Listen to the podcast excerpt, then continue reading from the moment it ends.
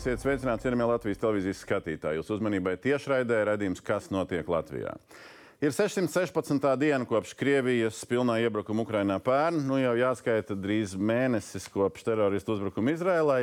Latvijā paralēli hibrīda kariem dažādās frontēs politiskajās cīņās atgriežas arī tēmas, par ko strīdi bijuši nevienu vienu gadu, nu jau varētu teikt daudzus gadus, um, arī pirms iepriekšējām saimnes vēlēšanām. Šajā gadījumā es runāju par um, to partnerattiecību, kas nav laulības status un uh, regulējumu vai regulējuma noteikšana vai maiņām. Arī satversmes tiesas sprieduma kontekstā. Um, šai sakarā, protams, īpaši uzmanība ir saistīta ar vienzimumu pāru statusu un tā maiņām. Septembrī jaunā valdības koalīcija starp šī gada neatliekamajiem darbiem noteica nostiprināt pāru kopdzīves regulējumu. Nu, saimā ir Tieslietu ministri iesniegusi astoņu likumu grozījumu pakotni par šo tēmu. Rīt to iecerēts jau saimā skatīt pirmā lasījumā uh, un um, ierosinot noteiktai steidzamību. Parunāsim šovakar par un pret uh, šim projektam, uh, par to, kas tajā nav, par to, kas sabiedrībā ir vai nu nepieciešams vai kādi riski. Uh, starp deputātu redzējumiem un nevalstisko organizāciju redzējumiem pretējās, nu vai vismaz diezgan atšķirīgās pozīcijās. Um, koalīcija. Tieslietu ministri Ines Lībiņa-Egnere, vakar. Labvakar. Uh, Zaļo zemnieku savienību deleģējusi saimnes deputāta Gunār Kūtri. Vakar. Labvakar. Progresīvie deleģēja deputāti Mārīt Lūsi. Labvakar. Iepratīm viņiem mums ir 50 uz 50 līdzīgā skaitā pozīcija un opozīcija šovakar. Apvienotā saraksta saimnes frakcijas vadītājs Edgars Tavars. Labvakar. Nacionāla apvienība deleģējusi deputāti Jāna Grasberga. Labvakar. Labvakar. Latvija pirmā vietā arī saimnes frakcijas priekšsēdētājs Ainārs Šlesers. Labvakar. Un līdzās deputātu vairākumam divas nevalstiskās organizācijas ar atšķirīgiem un ļoti atšķirīgiem ilgadīgiem viedokļiem šajā jautājumā. Um, dzīves biedra, vienzimuma partnerattiecību atbalsta organizācijas dzīves biedra vadītājs Kaspars Zālītis. Labvakar. Un biedrības asociācija ģimene valdes loceklis Kaspars Herbsts. Labvakar. Es gribētu sākt, ka deputāti vairākumā viņi noteikti daudz runās. Es gribētu sākt tieši ar, ar abu uh, NVO uh, pārstāvju skatījumu. Nu, um, Zālīškungs vakar komentējot to uh, ministrs iesniegto pakotni. Um, jūs teicāt, nav pietiekams, būtu labs sākums. Es citēju, kā jūs esat citēts Lietā. Uh, un tad bija teksts to grūti kopumā nosaukt par cieņpilnu, jo tad būtu nepieciešams izmaiņas vēl 70 likumos. Tieši tā. Um, kas būtu cieņpilni jūsu skatījumā? Un, ja nav pietiekams, tad sākums ceļā uz ko? Nu, tas, par ko mēs runājam, ir izmaiņas, eh, lai tas būtu cieņpilni, ir izmaiņas, 70 dažādas izmaiņas dažādos eh, normatīvajos aktos. Ja mēs runājam, tas ir par vecāku jautājumiem, kas nav šeit iekļauts. Tas ir jautājums par imigrāciju, kas arī šeit nav iekļauts. Tas nav arī eh, dzen, jautājums par uh, vienzimumu pāru, kas ir slēgusi savas attiecības ārpus, cit, ārpus Latvijas. Tas, tas nav šajā jautājumā atrisināts. Bet, ja mēs skatāmies tādam pašam sākumam, lai mēs par šo jautājumu varētu runāt, jo mēs par šo jautājumu jau runājam 24 gadus. Nu, šī ir devītā reize, kad mēs par šo jautājumu runājam. Līdz ar to likuma šis, līmenī. Likuma līmenī. Nu, līdz ar to šis ir labs sākums. Šis ir labs sākums, lai mēs varētu nostiprināt cieņpilnu regulējumu. Otrs skats. Jūs esat pret visam tam, ko Tieslietu ministrija šobrīd rosina, jo tas atšķirās no um, civilās savienības likuma, ko vēl šī saima um, balsoja decembrī. Tas atšķirās vēl no citām versijām, tur dažādajām iepriekš. Vai arī kaut ko jūs redzat par uh, apskatām?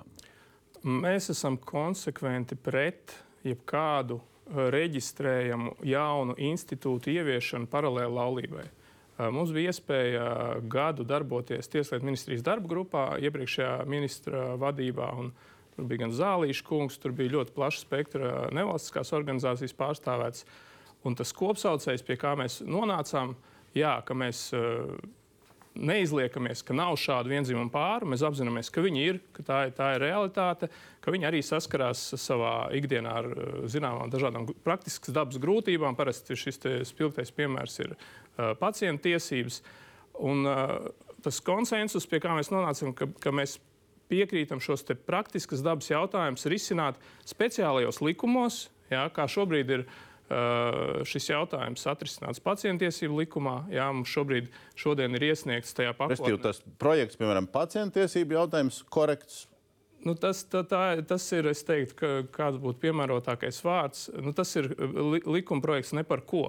Jo tā problēma, kuru ir paredzēts novērst, viņas tur nav. Jā, jo likumā šobrīd ar pilnvaras palīdzību var panākt visu to, ko grib ieviest ar šo reģistrēto institūtu. Bet, bet pirms mēs ejam tajās detaļās, tad kopumā jūs sakat, ka te dažas tēmas vai daži virdi, virzieni ir tādi, par kuriem, ja viņus varbūt citādāk regulētu, tad jūs teikt, ka tas ir apskatāms. Negluži. Negluži. Ja mēs runājam piemēram par pacientu tiesību likumu, ja, tie, tas, tie grozījumi nav vajadzīgi. Jo jau šī brīža regulējums šo problēmu, ja problēmas nav, tā ir izdomāta problēma. Ja, šī Visa pakotne ir par izdomātām problēmām. lielākā daļa. Es teiktu, viņa nav? Es teiktu, kad, kad ir nu, pieņemsim uh, likums par, uh, es no galvas, es, es, es šodien uh, detalizēti iepazinos ar visiem šiem likumprojektiem, piemēram, likums, vai tas bija valsts pensiju likums. Laikam, Tur ir par pensijām, par sociālo apdrošināšanu. Nu, piemēram, par, uh, par to, ka uh, diplomātu un karavīru partneriem tur darba stāžā ierak- iekļaus laiku, ko viņi tur pavadījuši ārzemēs. Nu, piedodiet, tā tiešām ir nu, top problēma, kas būtu jārisina. Jā. Labi, padiskutēsim. Uz šī fona uh, saliekam tos politiskos uh, uzstādījumus šobrīd. Vakar brīdī panorāmas intervijā ministrs Kunze, jūs teicāt, ka šis ir juridiski minimālais izpildījums, citēju jūs teikto, un politiski vienīgais iespējamais. Kas ir politiski neiespējamais šobrīd no tā? Iepratīm stāstam par 70 likumiem, kas jūsuprāt būtu nu, optimālais, es sauktu to tā. Demokrātiskā parlamentārā valstī saimas vairākums ir tas, kurš nomēra, kas ir, kas nav iespējams likumdošanas ceļā panākams. Un uh, tieši šajā 14. saimā, nu jau otrā valdība, nu jau otrās uh, valdības veidošanas, koalīcijas veidošanas sarunās, esot klāt, es precīzi varu nomērīt, kādam jautājumam ir vai nav iespējams saimnes vairākuma atbalsts. Ja šim jautājumam nav saimnes vairākuma atbalsta, tad Zālīša kungs jau minēja deviņas vai astoņas. Šī ir devītā reize. Mēs debatējam, mēs diskutējam, mēs sildām saimnes tribīni. Bet, manuprāt, cieņpilni ir nevien tikai parādīt sevi politiķus, kuri spēj diskutēt par vai pret. Cieņpilni ir arī darīt tā, lai debatas būtu par risinājumu. Bet, ja jūs sakat, bet, ja jūs sakat minimālais izpildījums, un tad, tad šai sarakstā ir notariāta likums, fiziskas personas reģistrs, pacientu tiesības, interešu konflikts, maksātnespēja, iedzīvot ienākumu nodokli, sociālā apdrošināšana, pensijas, kas būtu? Kas, kas ir tas atmests virs šī minimuma, kas bija minimums, 9. un 10. ne minimālais izpildījums, bet minimums attiecībā uz satversmes tiesas spriedumā aprakstīto uzdevumu. Satversmes tiesas argumentā, sprieduma argumentatīvajā daļā ir skaidri definēti uh, ekonomiskie, sociālie, juridiskie kritēriji. Šie likumprojektu pakotnes jautājumi, kurus um, esam izstrādājuši, aptver tikai un vienīgi attiecības ar valsti. Tas ir tikai un vienīgi jautājums personas attiecībās ar valsti, lai valsts varētu konstatēt. Labi, mēs padiskutēsim, vai viņi ļauj vai neļauj. Uh, tas minimālais izpildījums neizbēgami saistās ar Zaļo zemnieku savienības pozīciju, kura kopā ar šeit klātesošajiem opozīcijas uh, parlamentāriešiem decembrī par iepriekšējo civilās savienības likumu, tā skaitā jūs personīgi, nobalsojāt pret. Nu, tad mēģinām nu, kaut kā vienkāršiem vārdiem cilvēkiem izstāstīt, kas tur bija slikts. Bordāna, nu, kā viņš tiek saukts, Bordāna projektā. Ja? Un kas tagad Līviņas Egneres projektā ir tas labais un atbalstāmais? Lai neaizņemtu pārāk garu to diskusijas Pir, laiku. pirmajā pienājienā. Pirmajā piegājienā pateikšu tā, ka civilās savienības likums, kā es toreiz arī no tribīnes teicu, ir pēc būtības eh, laulības fikcija. Tur bija paslēpts laulības noslēgšanas forma.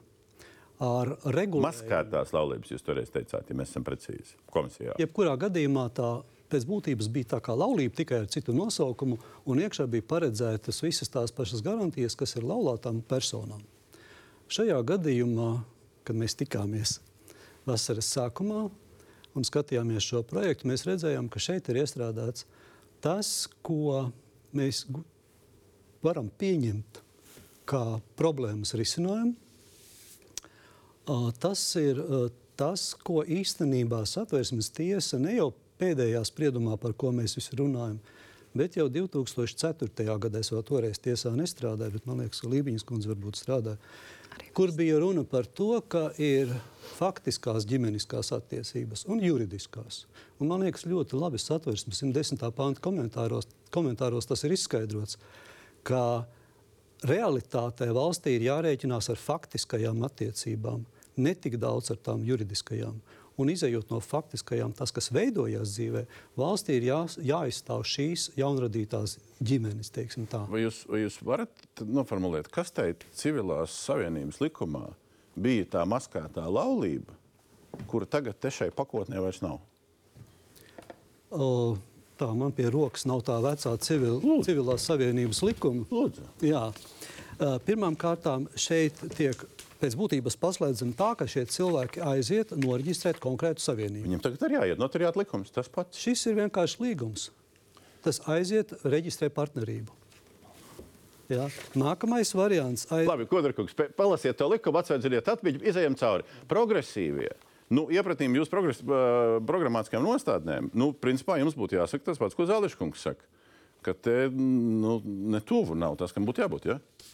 Nu, īsi sakot, mēs svinam, mēs esam priecīgi. Kā jūs šis, svinat? Mēs svinam. Šis svarīgais solis, tādas partnerības, šī jaunā tiesība institūta kā nodibināšana, jau ir liels solis. Mēs esam priecīgi gan par to, ka šis solis ir spērts, gan par to, ka mēs kā koalīcija esam nonākuši pie šāda visiem pieņemama risinājuma. Jūs piekrītat, ka šis pilda visu, ko satversmes tiesā um, prasīja? Nu, šo es atstāšu tiesas ziņā, lai viņi izvērtē. Es vēlējos norādīt, kas ir ļoti interesanti. Mēs rīt balsosim par atsevišķiem likumprojektiem. Astoņiem. Jā. Un es vēlēšos redzēt, kā cilvēki pamatos balsojumu pret, piemēram, grozījumiem interešu konfliktu likumā. To mēs tūlīt pat dzirdēsim, pat rītdien, pat rītdien nesagaidot. Kā mēs pamatojam parā, pret, atveram debatas? Lūdzu. Mēs, mēs dzirdam um, atsauci uz atversmes tiesas spriedumu. Interesanti, ka izlasot šos sešus likumprojektus, notariātu likumu un piecus pavadošos likumus. Nevienā anotācijā nav atsauce, ka šie būtu pamatots uz satversmes tiesas spriedumu. Tev ir pirmkārt astoņi, ne seši. Otrakārt, pavadu vēstulē. Jā. Mums ir uh, likumprojekts, anotācija. Jā. Un anotācijas lasot likumprojektu, uh, ja mēs skatāmies bez šiem uh, sešiem uh, likumiem, ir uh, anotācijā neviena vārda nav par satversmes tiesas nolēmumu. Kādēļ? Tāpēc, ka satversmes tiesas nolēmums attiecībā uz darba likuma 155. pantu uh, darba likumā šie grozījumi ir veikti. To mēs ļoti labi saprotam. Otrs punkts. Uh, nedaudz vēlētos oponēt uh, Kūtrkungam. Uh, ar šiem likumiem, kā jau arī progresīvo kolēģi minēja, ir ieviests jauns tiesību institūts - partnerība. Gluži tieši tāpat kā ir tiesību institūts ģimene un laulība. Un, ja mēs raugamies šīs normas, salāgojam šīs normas, tad ir diezgan precīzi arī no nevalstiskās organizācijas, um, kas atbalsta LGBT kopienas kustību, šo dzīvesbiedru kustību pārstāvis minēja, ka ir, tas ir pirmais solis.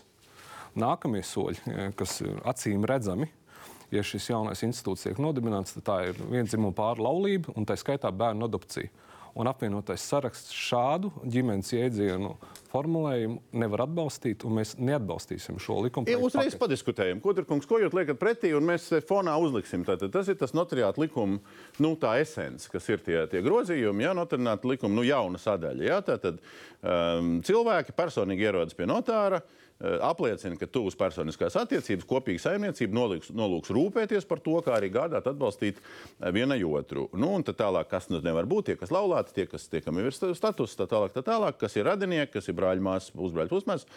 Un uh, jāapliecina notāram rūpēties par kopīgu saimniecību, gādāt, atbalstīt vienai otru. Nu, šī fona, ko jūs liekat pretī Tāvar kunga versijai? Nekād, kādā veidā jāliek, kas jāliek pretī? Viņš saka, nevar atbalstīt. Nu.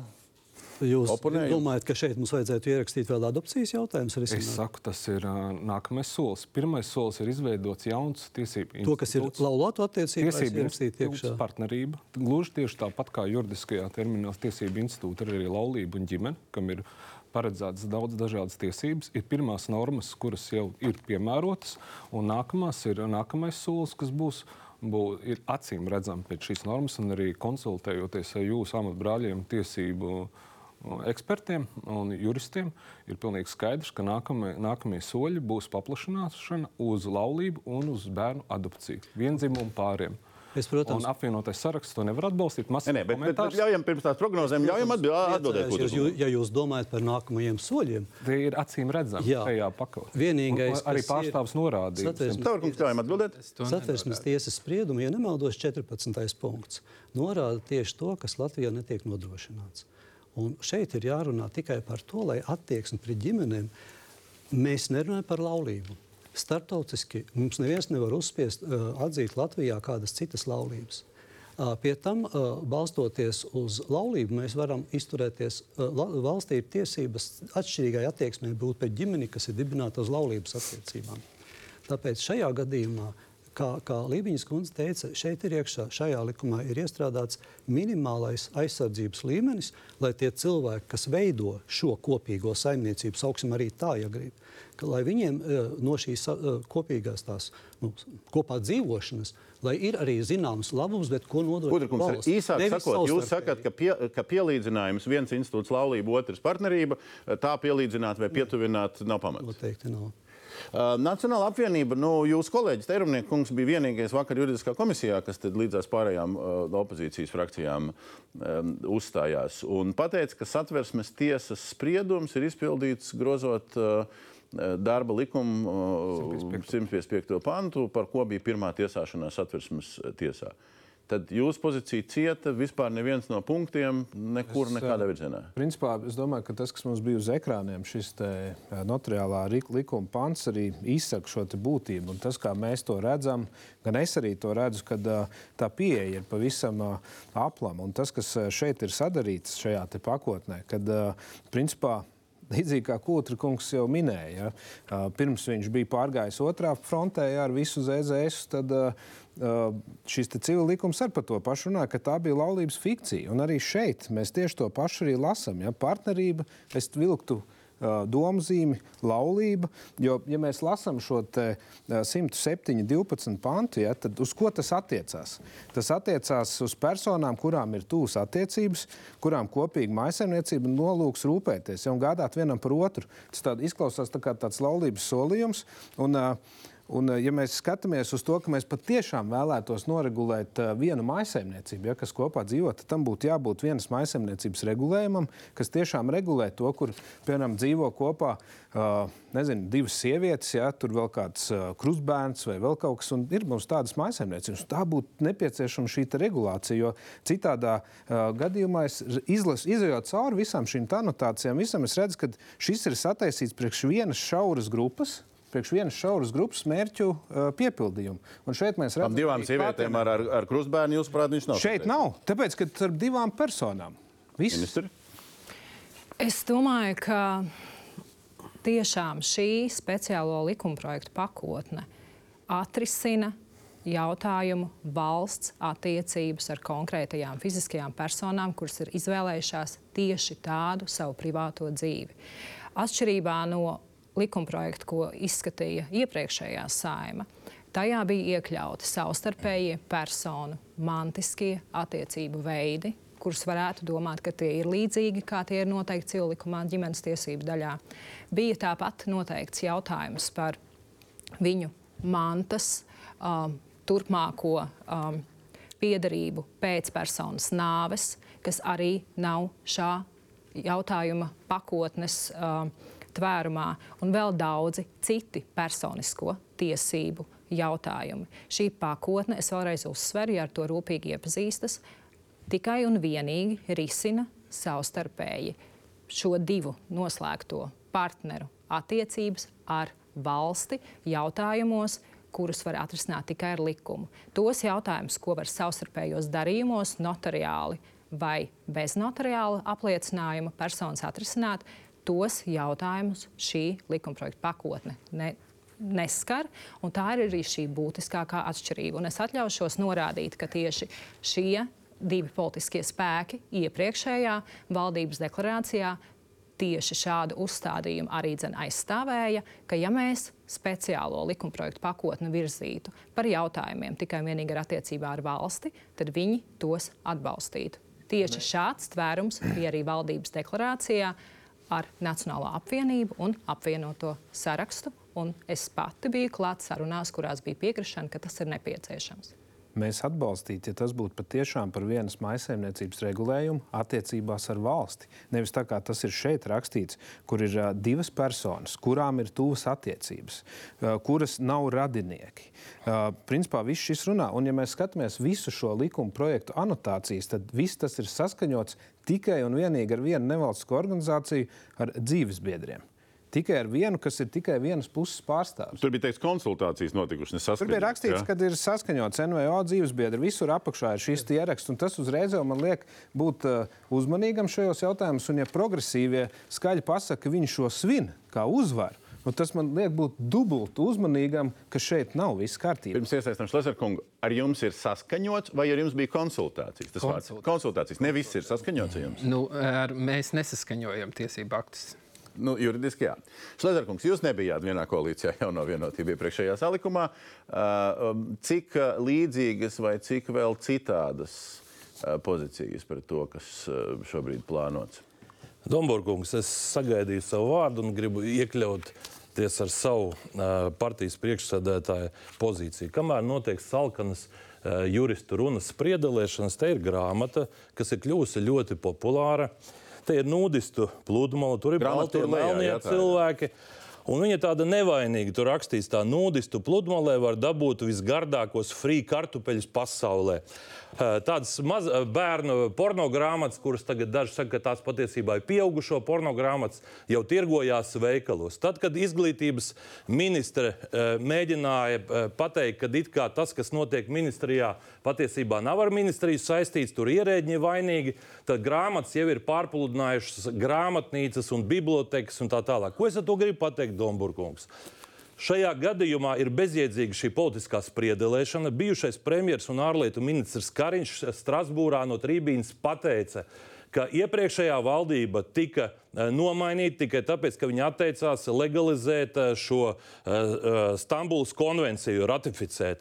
Un, līdz ar to tika izmesta Nacionālā apvienība, apvienotais saraksts dēļ šī jautājuma un tika nopirkti ZZS ar mērķi nobalsot par šo konkrēto jautājumu. Tas ir kungs, šis nav par Stambulas konvenciju. Pagaidiet, tas ir visi vienā paketē, iet, piedodiet, Stambulas konvencija, vienzimuma partneru attiecības. Un es teikšu tā, ņemot vērā, ka ir noticis šis koruptīvais darījums, kur ZZS pārdevās, lai uh, par vietu valdībā viņi tagad grib balsot par visiem šiem likumprojektiem. Mēs kā partija šodien esam iesnieguši CVK priekšlikumu par 14. saimas atlaišanu. Un es ceru, ka Latvijas iedzīvotāji būs tie, kas pieņems pareizo lēmumu un savāks šo 155 tūkstošu parakstu ar mērķi šo saimu atlaist. Jo patreiz viņi ir sapinušies. Nu, ja jūs gribat legalizēt vienzimuma partneru attiecības, tad tā arī runājiet. Nu, neslēpieties aiz vieniem, otriem, trešiem līgumiem. Pasakiet tā, bet ir pašā beigās pateikšu vienu lietu. Šodien satversmē skaidri tiek pateikts, laulība ir savienība starp vīrieti un sievieti.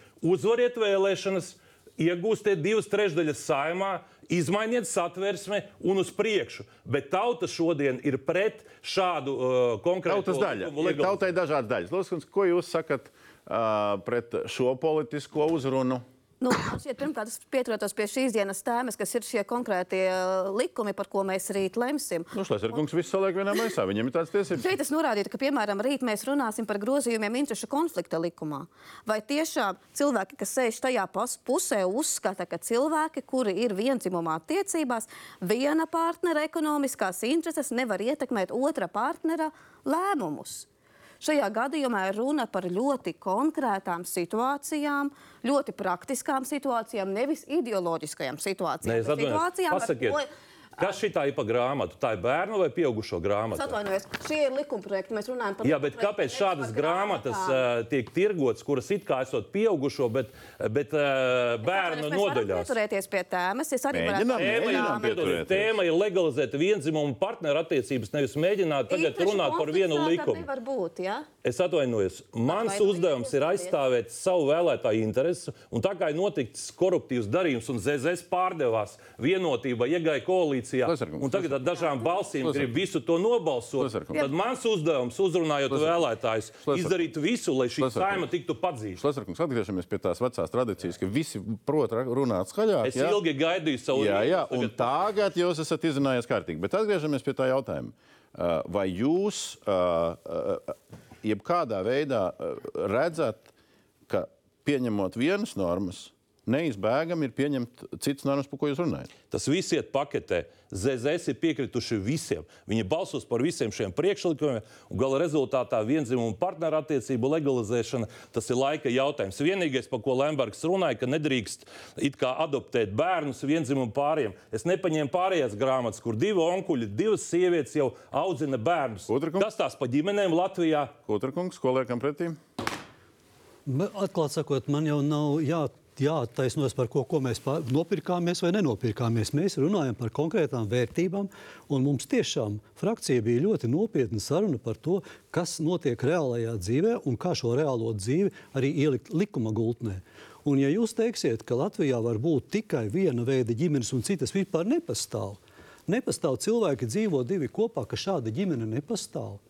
Kāpēc Ja- pret šādu ģimeni mēs Latvijā nevarētu Otrakungs, ja jūs būtu pirms vēlēšanām pateicis, ka jūs uh, gribat legalizēt vienzimumu partneru attiecības, ne jūs, ne daudz citi nebūtu nemaz saimā ievēlēti. Tāpēc, ka ZZS vienmēr tika uzskatīta par konservatīvu partiju. Tā tas ir bijis vienmēr. Redziet, jautājums ir, šajā gadījumā jūs gribat šīs partnerības reģistrēšanu vairāk seksualizēt. Jūs negribat uzskatīt, ne, neredzat, ka tur ir runa par tuvām personiskām attiecībām. Jūs domājat tikai par to, ka tas ir vienzimuma ģimenes laulības Mani veidošana. satrauc, ka ir tādas grāmatas, un visi klusē šodien, eh, ka tādas grāmatas tiek izplatītas. Visi uzskata, ka tas ir ļoti labi. Un šī jaunā reliģija, jeb šī jaunā politika, kas valstī izplatās, tā ir diemžēl šīs valdības uh, Lesarkungs, atgriezīsimies, atgriezīsimies drusku arī pie tiesiskas valsts. ā, Un atkal es gribu iesaistīt abus nevalstisko organizāciju pārstāvis un, un atkal tad krustčērsu paklieksim.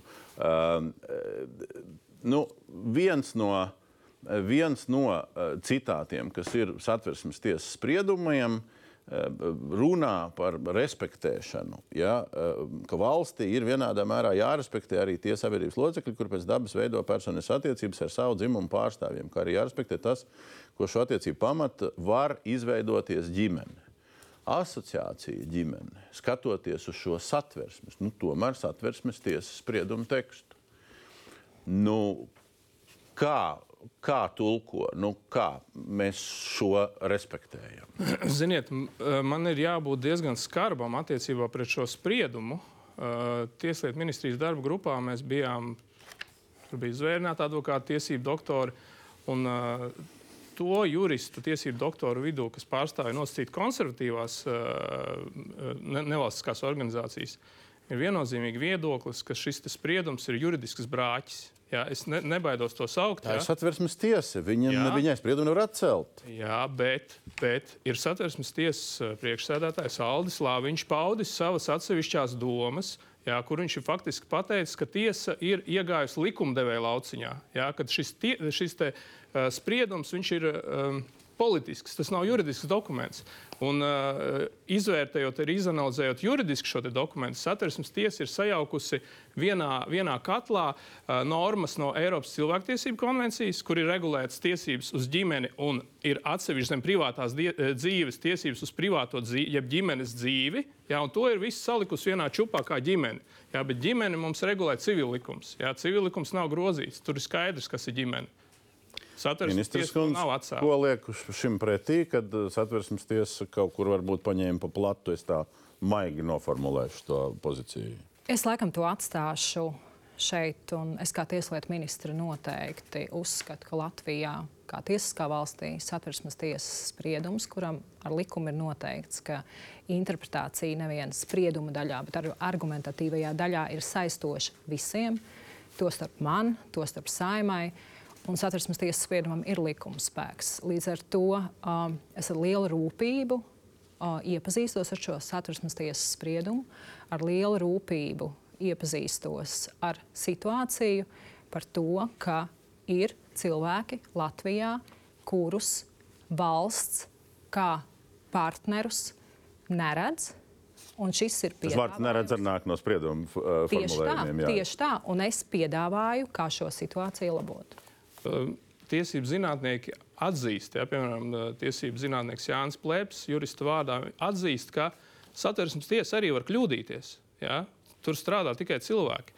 Un ko tad darīt, ja ir pieļauta kāda kļūda, vai, piemēram, kā, kā tiesnesis Slaviņš uzskata, ka ir uh, satversmes tiesa iegājusi likumdevēja lauciņā, tad uh, Jānis Plēps paskaidro, ka jau šī sprieduma izpildes stadijā uh, saima izpildot šo spriedumu, var argumentēti iebilst satversmes tiesai. Jā, tas nav tā. Satversmes tiesa nav tautas vēlēts suverēns uh, varas orgāns, jā, atšķirībā no saimas. Saima ir tā, kas uh, lemj, uh, izlemj politiski kādus, kādu, kādu atbalstu sniegt uh, viena dzimuma partneriem vai nē. To satversmes tiesa var atzīt, ka kāda norma ir vai nav pretrunā satversmē, bet satversmes tiesai nav tiesību pateikt saimai, tagad pieņem šādu likumu. Jā, tas ir tā. To jau viņi neteica, tāpēc jau te rodas dažādi likumi. vai ne? Zāliškungs, kā jūs šo uh, redzat?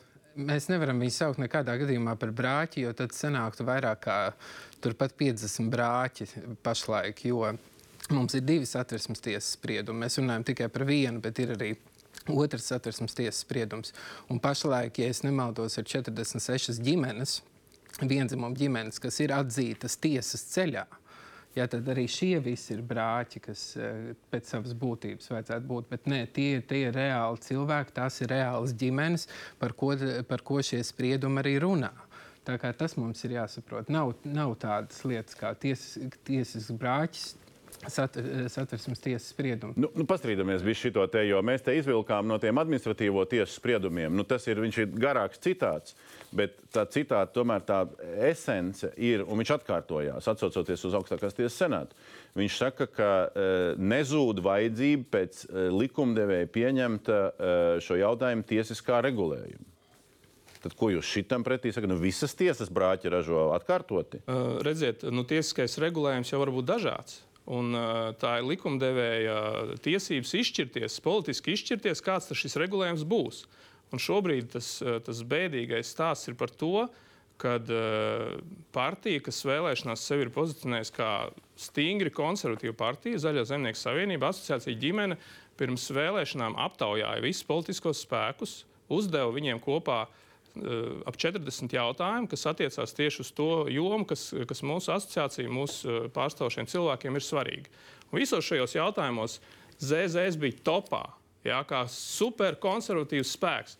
Ka viņi neatbalsta vienzimumu kopdzīves regulējumu, ka viņi ir pret Stambulas konvencijas ratifikāciju.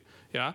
Uh, jaunā konservatīvā partija trīs mēnešus pirms vēlēšanām nolēma eh, saka, eh, pakoķetēt jā, ar šo te, eh, konservatīvismu tēmu. Viņu vairs saimā nav. Jā, ZZS šobrīd domā, ka viņiem ir trīs gadi laika. Līdz nākamajām vēlēšanām gan jau vēlētājs aizmirsīs, jā, bet es domāju, ka vēlētājs. Atgriežoties no jūsu politiskās analīzes pie tā juridisko pabeidzot, nezūd vajadzība pēc likumdevēja risinājuma. Tad jūs šo respektējat.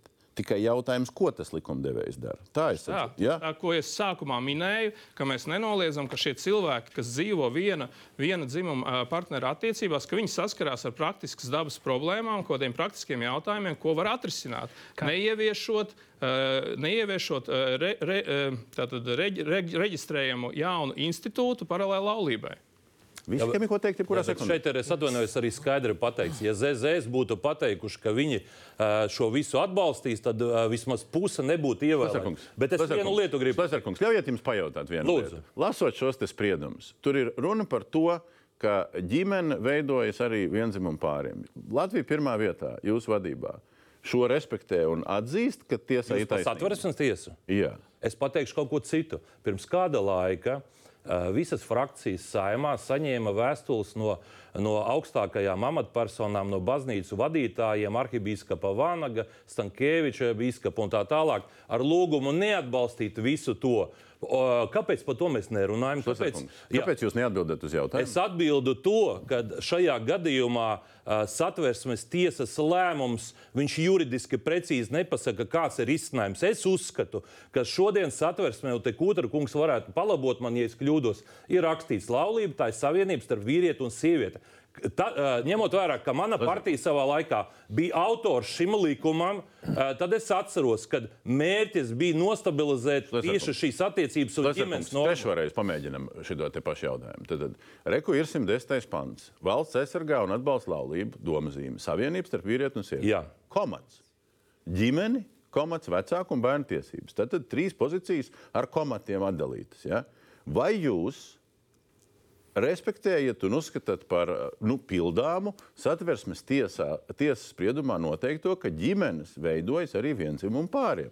Mana pozīcija ir ārkārtīgi vienkārša. Pieauguši cilvēki no 18 gadiem, lai dzīvo kā grib. Mēs varam meklēt risinājumus, kā atbalstīt.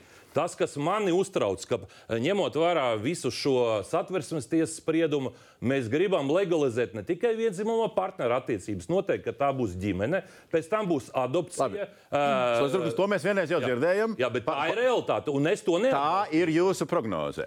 Šai pusē, lūdzu. Jā, es atgriezīšos pie šīs pakotnes. Proti, tātad šīs personas pie zvērināta notāra ar notariālu aktu apliecina, ka viņi ir partneri. Atšķirība tajā, ko kungi runā, būtu, ka šis notariālais akts, izdrukāts vai digitāls, viņiem būtu jānēsā kabatā vai portfelī, tad viņi tam piekristu. Bet tā kā šo notariālo aktu reģistrē, fizisko personu reģistrā, lai valsts ieņēmuma dienests un citas valsts iestādes varētu izpildīt likumu un piemērot tos atvieglojumus, kas viņiem pienākas, viņi to neatbalsta. Tikai vai tas ir kabatā notariāls akts vai portfelī digitāls, jo digitāli arī šobrīd noslēdz notariālos aktus, vai tas ir reģistrēts. Vai mums tiešām tad ir problēma, ja jūs sakat, ka jā, ir nepieciešams regulējums attiecībām ar valsti. Bija te ko teikt, iebilst vai piebilst? Piebilst, jo īstenībā pašlaik jau ir par šiem 46 spriedumiem, par ko bija runa. Uh, cilvēki nesā līdzi šos spriedumus, tad, kad viņi vē- dodas uz slimnīcu, lai apciemotu savu partneri, viņi nes līdzi spriedumu, kur ir Latvijas tautas vārdā, mēs jūs atzīstam par ģimeni. Tas, tas jau pašlaik notiek, un ne, nerunāsim tikai par to, ka pašlaik ir atzītas, eh, atzītas 46 ģimenes, divas no tām ir atzītas kopā ar visiem bērniem. Tā, tā ir vēl viena lieta, kas mums ir Ko jāsaprot. šī pakotne nekādā veidā Šī nerisina. pakotne nerisina. Ne, šī pakotne ir par tā jau kā Līvijas Egners. Bet tā, bet tā slimnīca ļoti labi, ka mēs runājam par, par konkrētiem mērķiem. Tā slimnīcas paņem administratīvo tiesu spriedumus un respektē, ka šis te, uh, cilvēks, ar ko ir atzīta šī partnerība, nu, lietosim eh, īsāk formulējumu, ka viņš ir pielaižams tu, teiksim, nu, kā, kā radinieks. Kā radinieks. Ja? Un ko Nacionālā apvienība saka pret šo? Nu, ir jocīgi, Pirmkārt, izsakoties situācijai. Pirmkārt, satversmes tiesa saka, ka mums ir jārespektē. Mēs respektējam, un tur nav teikts, ka mums ir respektēt, nenozīmē izveidojot arī institūtu laulību. Un, ja mēs vēlreiz paskatāmies uz šo te 107. pantu, un tad tur tālāk ir par izbeigšanu, līdz nav mūsu šķirs, kur atkal ir līdzība ar Nē, šo nu, te tas nav vienīgais veids, būsim godīgi. Nu, jā. Pirmais ir par uh, personas nāvi, ja tiesa viena no personām nu, un pēc tam vēl četri miruši. Ja? punkti, Un, uh, un, un principā tieši tas pats, kas laulībai. Un, uh, tā lielākā problēma jau šeit ir tas, ka ir tik šauri paņemta šī grupa, ka mēs esam paņēmuši divus pieaugušus cilvēkus šeit nodefinējuši. Un tas, kas pacēlās šeit par medicīnu, ja? tad tieši tāda pati problēma ir par. Uh, Teiksim, nevis tikai, kur ir divi cilvēki kopā dzīvojošie, bet kur ir jau lielākas grupas, kur ir mājsaimniecības, kur tiešām netiek viens pie otra iekšā. Par tas ir jārisina. Tāpēc ir jārisina. Nu, tad paņemiet šo pašu pacientu likumu un plašiniet viņu. Nu, to mēs ar, droši vien ar priekšlikumiem arī centīsimies kaut ko vērst par labu. Es tikai vēlējos piemetināt, ka jebkura tiesiska darījuma, diemžēl, līdz ar nāvi personām mēdz izbeigties. Ja persona mirst, tad arī šajā konkrētajā gadījumā šis darījums, šis divām personām, es neironizēju par cilvēku nāvi un cilvēku dzīvēm. Šis ir piedāvājums, kā valsts ļauj personām sakārtot savas attiecības ar valsti, saistību pusē, pienākumu pusē un tiesību pusē. Te nav vieta ironijai. Mēs gribam redzēt ikvienu cilvēku, jo satversmes astotā nodaļa cilvēku tiesības un pamatiesības ir adresēts ikvienam. Tas ir satversmes terminoloģija ikvienam. Un mums, kā valstī, ir jāatrod veids šim ikvienam atrast to kas likumā vēl nav atrisināts. Un te ir tas minimums, es vēlreiz atgriežos pie vārda minimums, nevis minimāls, bet minimums, kā, ko mēs kā tiesiska un demokrātiska valsts varam izdarīt. Es esmu gandarīta, ka tam ir saimnes vairākuma atbalsts, vai es varu cerēt, ka tam būs saimnes vairākuma atbalsts. Es ironizēju nevis par cilvēku nāvi, bet par to, ko jūs esat uztaisījuši. Jūs esat uztaisījuši laulības līdzinieku, lai apmierinātu šauras, vienzimumu pāru šīs vēlmes. Lai, lai tikai tu, un neiekļaujot vēl pie tam iekšā to, ko viņi prasa. Latvijā konstitucionāli aizsargāts institūts.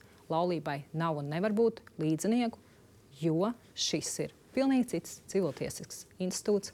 Un pie laulību mēs pie zvērnāta notāra noslēgt nevaram. Bet mēs jau pirmajā teikumā redzam laudzi, laulības šo līdzību un to, ka mēs cenšamies to izdarīt. Es to Caur šādu ceļu, jo satversme to nepieļauj. Un, eh, ja, ja tur nebūtu izslēgts viss šis te par to, ko es jau pirmajā uzrunā teicu par vienas maisaimniecības regulējumu, tur vispār nav nevienas pazīmes par šādu maisaimniecības regulējumu, bet viss runā par tikai un vienīgi diviem cilvēkiem. Diviem pilngadīgiem cilvēkiem. Un ko mēs tajā lauciņā varam ielikt?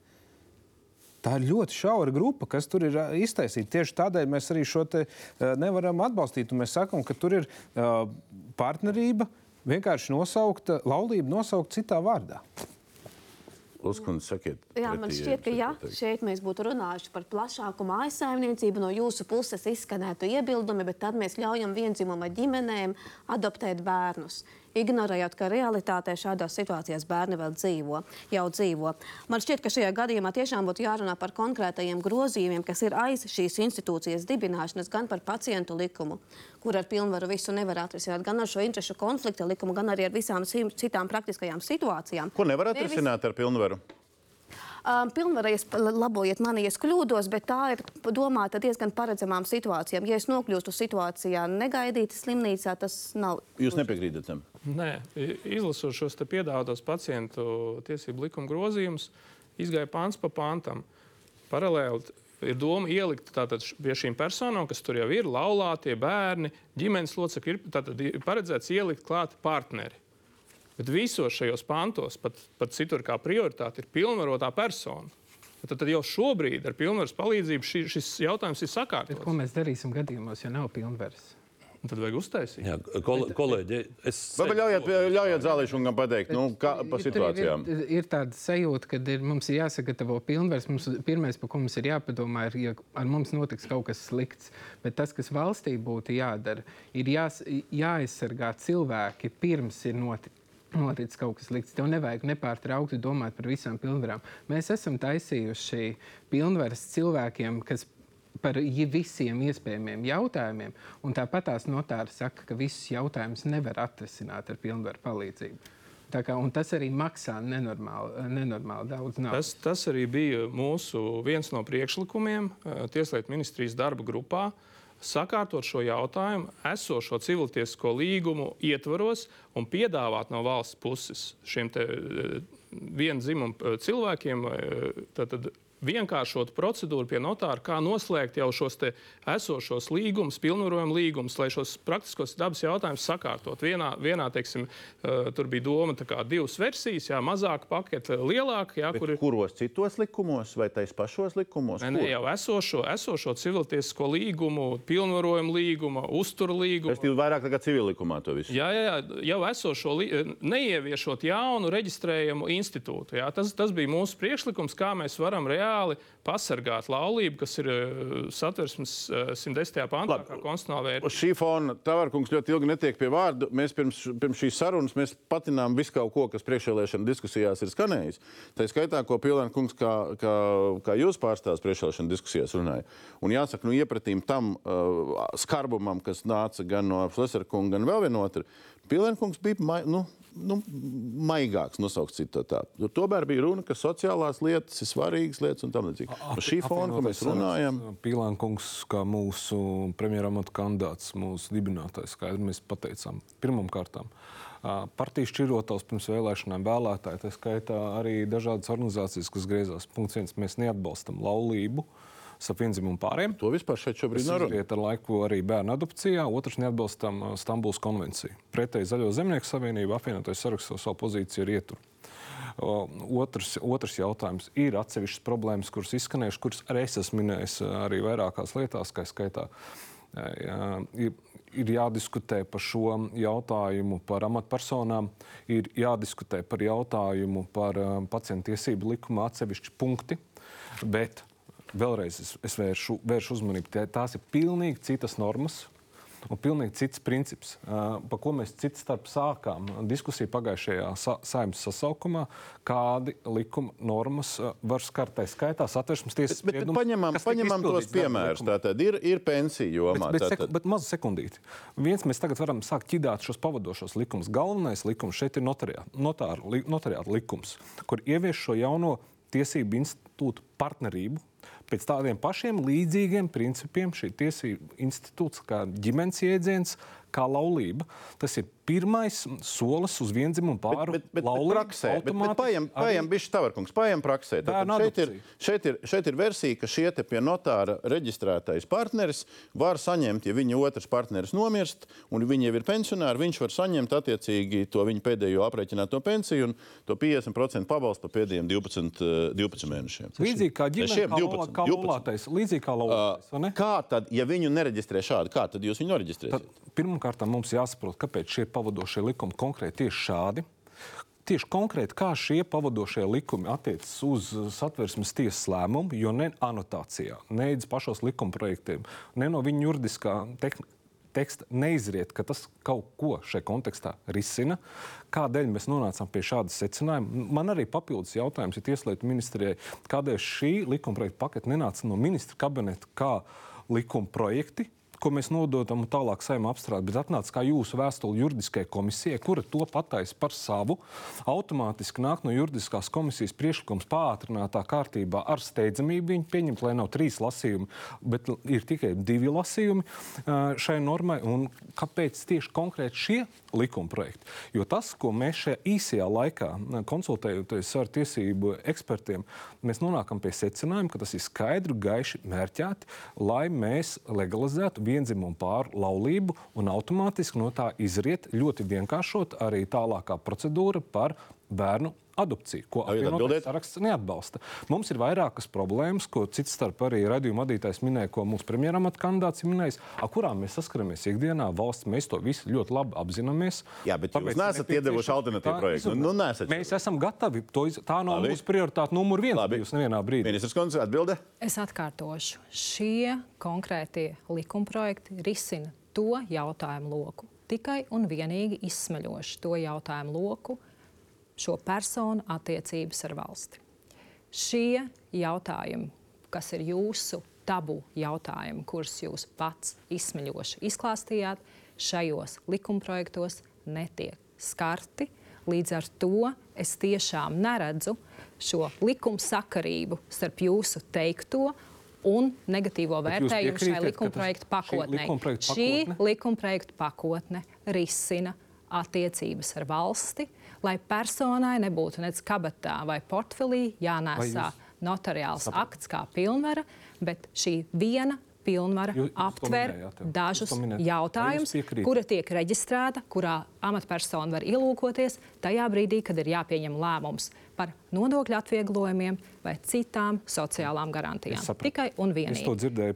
Jūs sapratāt, man jauki, prieks, jo arī pirmo sapratu. reizi jūs nesapratāt. Jūs atkārtojāt to arī vēlreiz. pirmo reizi. Jautājums viens, vai pēc šāda jauna tiesību institūta ieviešanas jūsuprāt netiek uh, faktiski legalizēta vienkāršots nākamais solis un faktiski noņemti šķēršļi laulību noslēgšanai starp vienzimumu pāriem, un nākamais izrietošais arī bērnu adopcija starp vienzimumu pāriem. Vai Īsto šī skaidru likuma projekta atbildi. pakete Nē. to nevienkāršo Nē. un nemazina šķēršļus? Nekādi.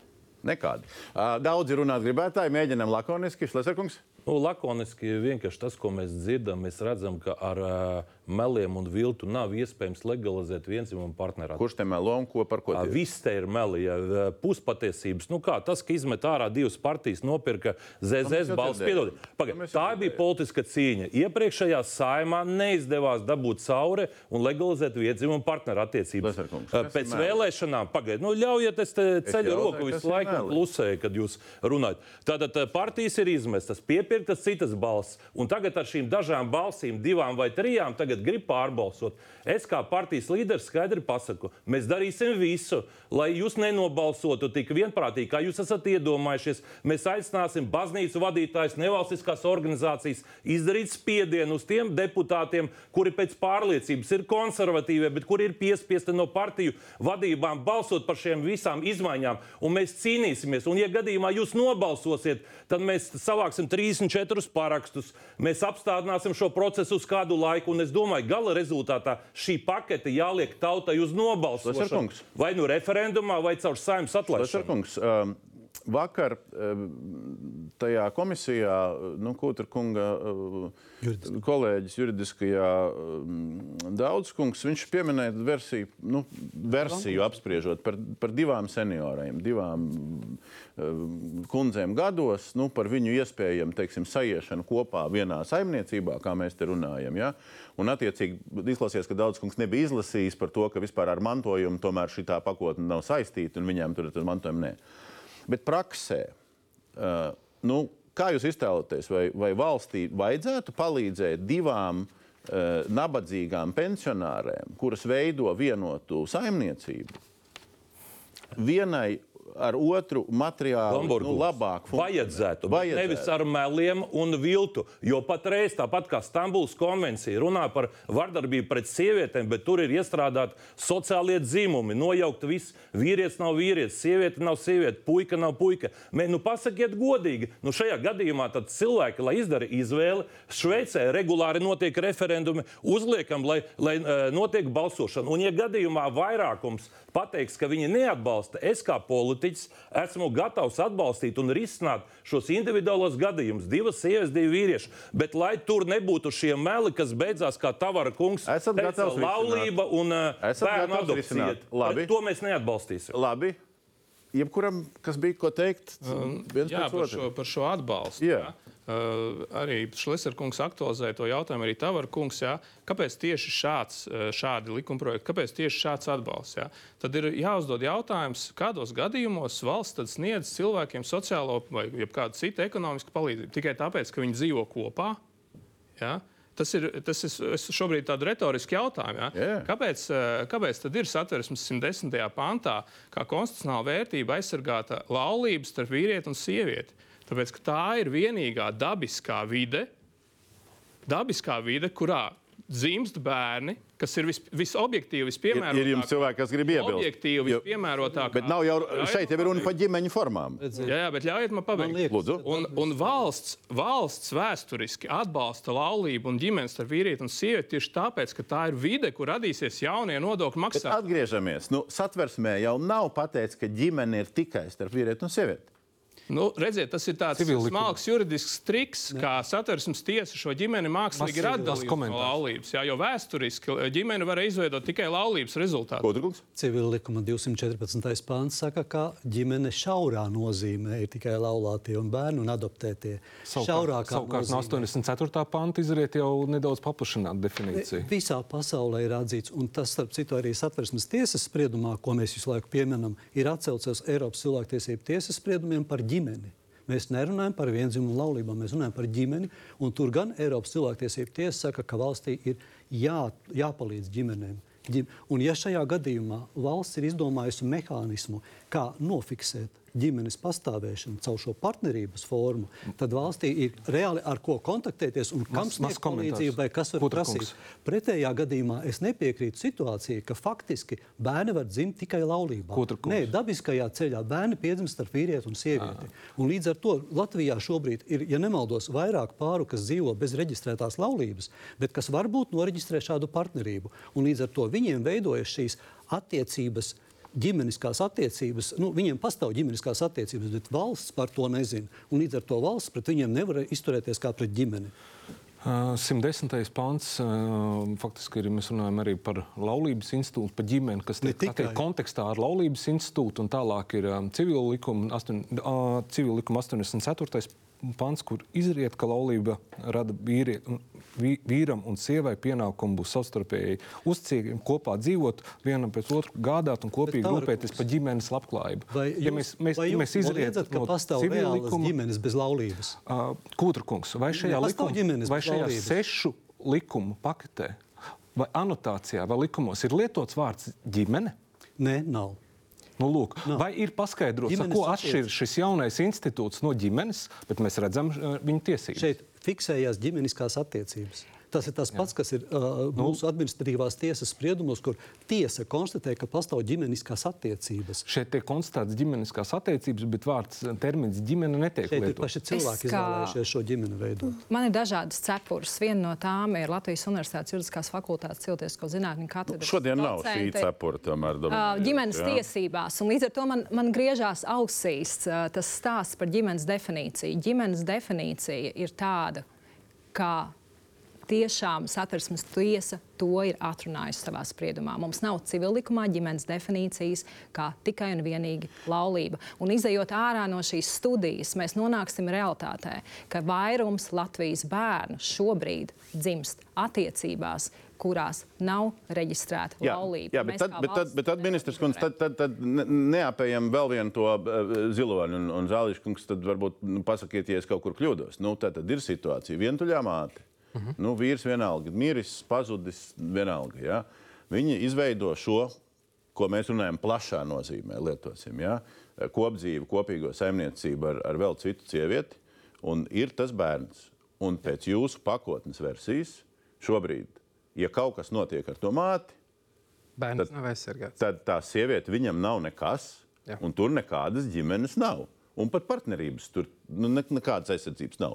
Nu, ko tad jūs šito nesargājat? Būtu jābūt Šobrīd šajā likumprojektā es vēlreiz saku, šīs ir attiecības starp divām pilngadīgām Bet vai tas satversmes tiesa neprasa šitās lietas arī risināt? Atgriežos, satversmes tiesa ir uzlikusi definīcijā vairākus jautājumus, bet mēs šobrīd piedāvājam atrisināt tos, kurus saimnes vairākums var. Tātad jūs nepildat satversmes tiesu līdz, līdz galam, tā jau tā aiznāk.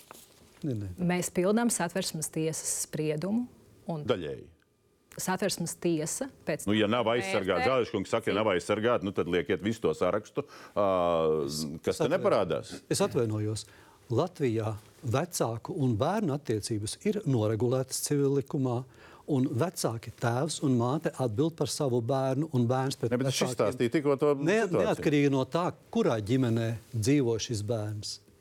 Bet, ja vairs nav ne, ne tēva, ne mātes, bet ir bijusi Ok. šāda ģimene, Tad- tad nekā. Tad šobrīd mēs negribam šādā veidā caur šo likumu uztaisīt laulību un teikt, ka šai, šajā laulībā ir kaut kāds pieņemts bērns vai auga bērns vai, vai kāds, es nezinu, mm, kaut kāds cits nosaukums. Izņemot gadījumus, kad ir šie divi tiesas spriedumi, jau kuros ir atzīta ģimene kopā ar visiem bērniem. Tad tajā brīdī šīm divām mamām ir tieši, tāds, tieši tādas pašas tiesības. Bet tie ir uz rokas pirkstiem, es saprotu. Ir, šobrīd, tie ir, di, pašlaik tie ir divi, un uh, stāv trīs, uh, trīs lietas uh, rindā. Uh, Jā, daži gadījumi, arī šis te aprakstītā uh, lieta, ja, kur ir uh, šie cilvēki, nu, tā ir tipiska maisaimniecība, un bieži vien tas bērns arī var būt pilngadīgs un arī dzīvot tur kopā. Un, uh, tas ir iespējams. Un arī uz iepriekšējo uh, modeli, ja, kur bija šīs te, uh, divas uh, kundzes gados, ja, ko jūs uh, uzdevāt, man ir retorisks jautājums. Kādēļ šīm kundzēm ir jāiet pie notāra un jā, jāapliecina, ka viņām ir tuvas personiskas attiecības? Tuvas personiskas attiecības, jo satversmes tiesas tas, uh, spriedumā tur bija rakstīts, ka vienkārši attiecības. Kādēļ tur pirmkārt ielikts vārds tuvs? Tāpēc, ka tur ir skaidrs, Jo tuvums norāda vienzimumu pāriem. šauro- Nu, jā, Saprotiet, šeit ir ieraksts tā, lai, lai parādītu, ka šiem cilvēkiem savstarpēji ir normāli tuvākas attiecības, nevis vienkārši kaimiņu attiecības. Un šeit ir jautājums par to, jūs domājat, ka šiem cilvēkiem mēs, mēs nevaram caur šo palīdzēt. Mēs prasām, lai viņus obligāti ietu fiktīvi regulēt laulību. Lai varētu viena otrai palīdzēt. Viņas kopā normāli dzīvo.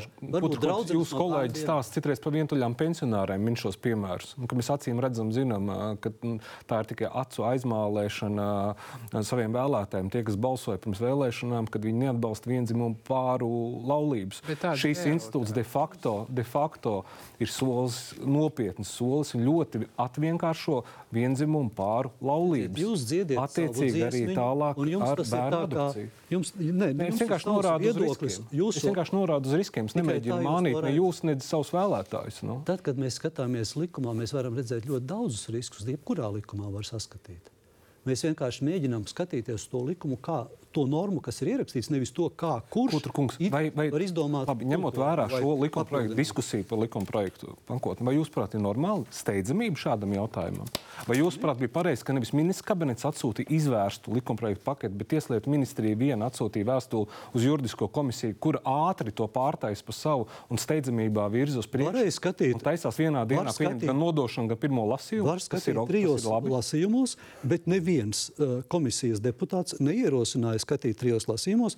Piedāvājums, balsošanas piedāvājums bija izlas, uh, steidzamības kārtībā. Pretēja viedokļa nebija, un mēs atbalstījām šo Ko ideju. nozīmē nebija pretēji viedokļi? Patreiz tiek dzīts cauri. Rītdien Godīgi sakot, mēs pat neesam kārtīgi Komisijas sēdē neviens nerunāja. tas viss virzās uz Bet- priekšu. Bet, uh, Kūtrakungs, nu jūs tomēr esat, uh, uh, kas saka, ar juridiskām lietām visu dzīves saistīts. Jūs iedomājieties, ja tagad izīsiet cauri šo konkrēto grozījumu, kad uh, tā otra puse nomierināsies, es domāju, ka varbūt jums vajadzētu nākt ar iniciatīvu teikt, Uzliekam paketi un laižam uz referendumu, pieņemam speciālo likumu, ļaujam tautai izvēlēties, ko tad grib ā, piepirkt vienu deputātu otru. Jo, ja sanāk tā, ka divi, trīs deputāti izšķirs tagad, vai tiks legalizētas vai netiks legalizētas šīs uh, jaunās laulības, tad es varu pateikt to, ka šajā gadījumā tie visi otra uh, fronte apvienosies, būs cīņa. Mēs aicinām cilvēkus ielās ar uh, vīru biedrību, mēs apbraukājam Latviju par atbalstu dabiskām ģimenēm, mēs atkal sacelsim kājas. Un es pateikšu, ka konkrēti 18. novembrī, tad, kad pulkstenis desmitos pie brīvības pieminekļa pulcēsies visas augstākās amatpersonas, tad cilvēki, kas ir pret visu šito, sanāks un aizstāvēs savas Lēser kungs. tiesības. Tā kā es aicinu kungs. virzīt labāk. Slēsārā kungs, nu beidzam taču bļaut visu laiku. Nu, bet Nu, jūs nedodiet runā. vārdu izteikties. Mēs paņemsim chronometru, cik jūs esat izbļāvies. Lūskundze. Jā, man šķiet ļoti jocīgi šīs te ģimenes jēdziena tik cieša saistīšana ar bērniem, jo šajā gadījumā notiek tas, ka tad jau mums vajadzētu liekt laulību arī sievietēm vai vīriešiem, kuri ir neauglīgi, sievietēm un vīriešiem, kuri precās tad, kad viņi ir gados, jo viņiem arī vairs nevar būt bērni. Un tāpat es gribētu saprast, kāds ir šis risinājums, kas tiek piedāvāts ģimenēm, vienzimuma ģimenēm, kurās bērni aug, jo tās ir reālas ģimenes, zināmas ģimenes, vai no šīs puses izskan piedāvājums atstāt šos bērnus neregulētā situācijā, vai ņemt viņus no šīm ģimenēm ārā.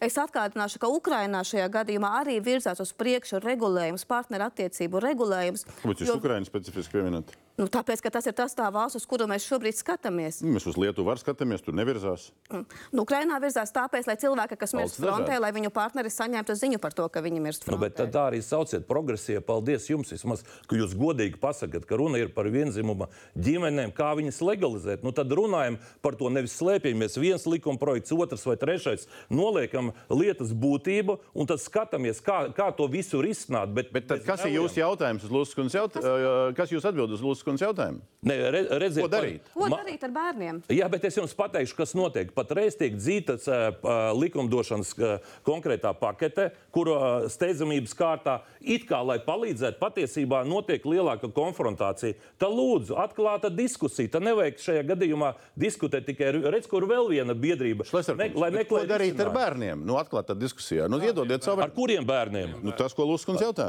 Es atvainojos. Katram cilvēkam ir radinieks. Tie ir vecāki, brāļi, māsas, tantes, onkuļi. Tā, tā ir asins radniecība pirmais. Tas ir tie, kas ir visciešāk saistīti, un tā ir ģimene. Ja, ja gadījumā kāds, piemēram, grib adoptēt vai vēl kaut ko, tad šajā gadījumā mūsu partija neatbalsta vienzimuma partneru attiecības, kā rezultātā bērni tiek adoptēti. Tā ir mūsu pozīcija, tā ir mūsu vēlētāja pozīcija. Mēs godīgi pasakām, uzvariet vēlēšanas, un tad attiecīgi Abi esiet divi jūs vairāk. neesat uzvarējuši, bet parlamentā juridiski aizsargāt šos bērnus nevēlamies.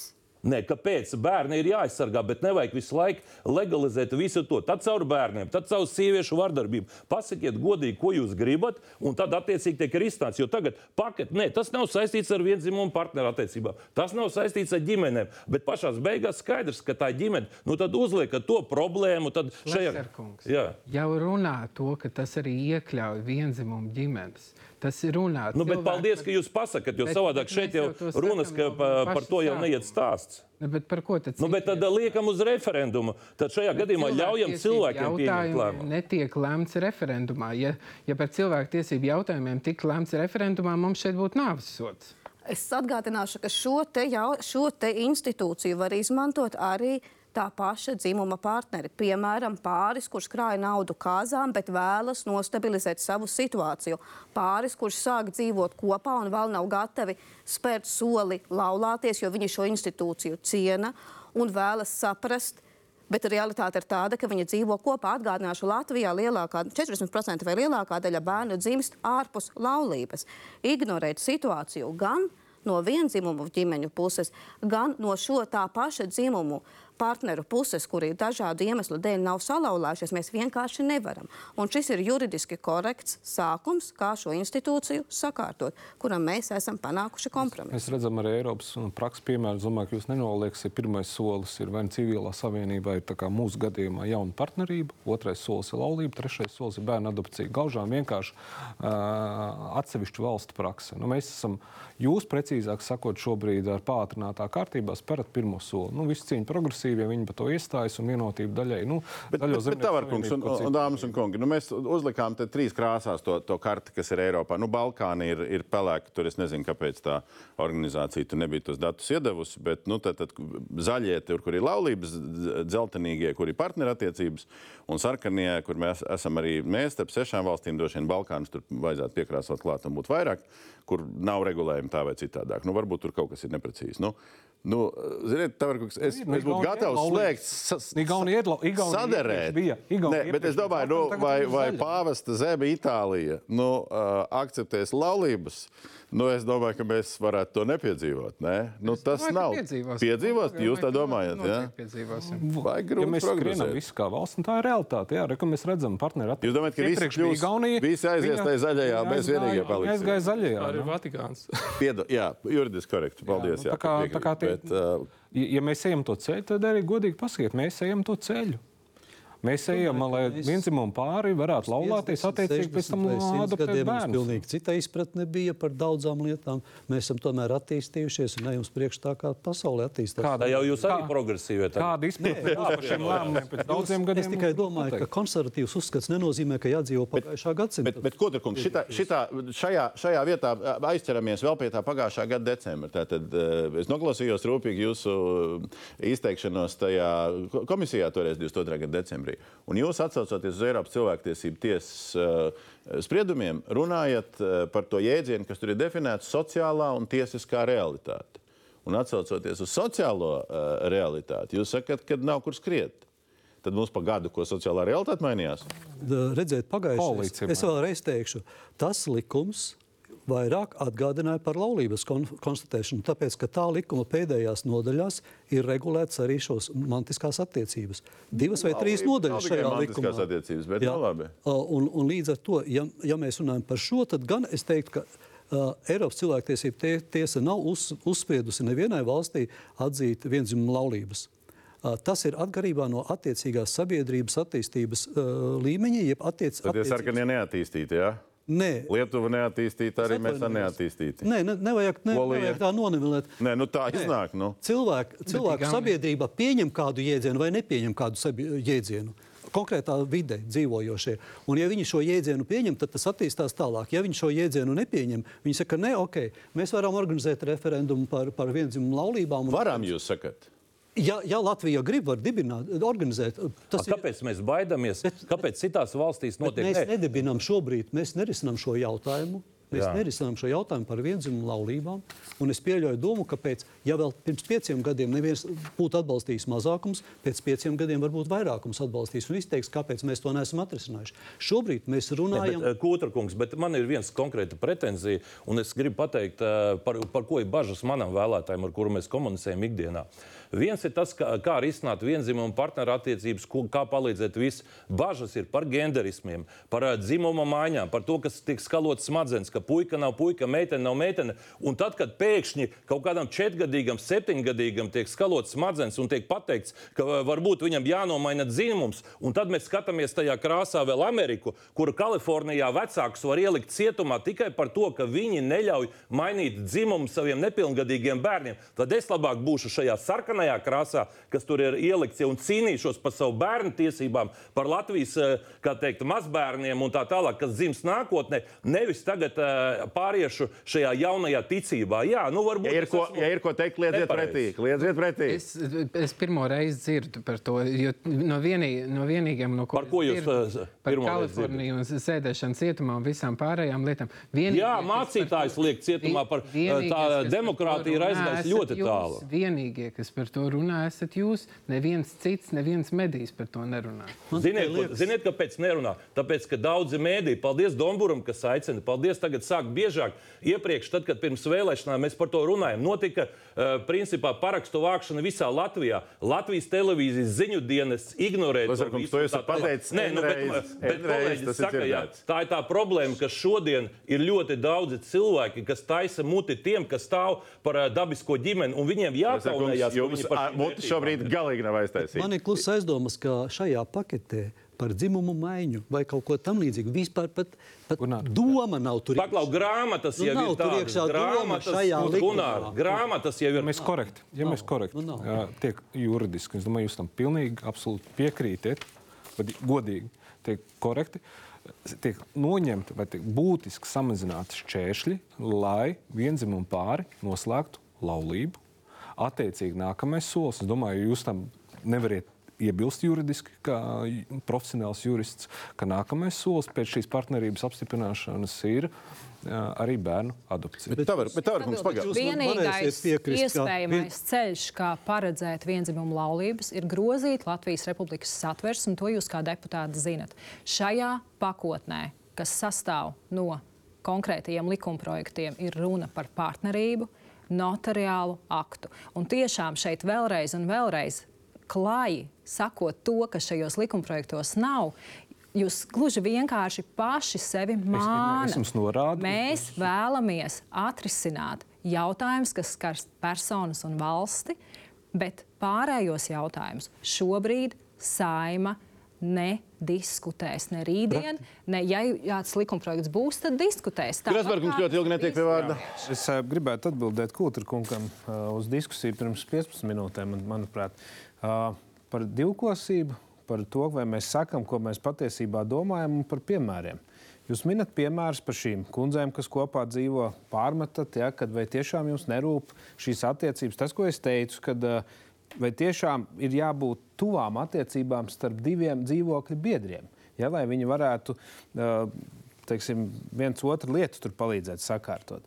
Bet šī ta lieta skaidri arī no progresīvajiem es nolasu to, ka viņi priecājās, jā, kad rekur ir panākts dzīves biedru teiksim, partneru attiecības ja, starp dzimumu pāriem. Bet jūs, uh, tāpatās arī daudzas kungs ja, no ZZS, uh, jūs minat arī šos piemērus ja, par šīm vecajām kundzēm un mēģinat kaut kā to jautājumu pavilkt no tā. Nu, godīgi pasakat, ka šeit ir skaidri aprakstīts, ka šeit ir par viensmumu pāriem, lai viņiem saregulētu šīs attiecības, lai viņi varētu aiziet tur uz slimnīcām, vēl ko arī reku dzīves biedru pārstāvs min. Jūs slēpjaties aiz vecām kundzēm un nesakat tas, kas patiešām ir. Un tad skaidri un gaiši paskat, ka jūs atbilstat šīs uh, vienzimuma attiecības, kad jūs uh, tam visam piekrītat, nevis likumu saskatāt vienā aspektā. Mēs šajā likumā saskatām arī citas lietas, kas sakārto Latvijā dzīvi, normālu dzīvi cilvēkiem.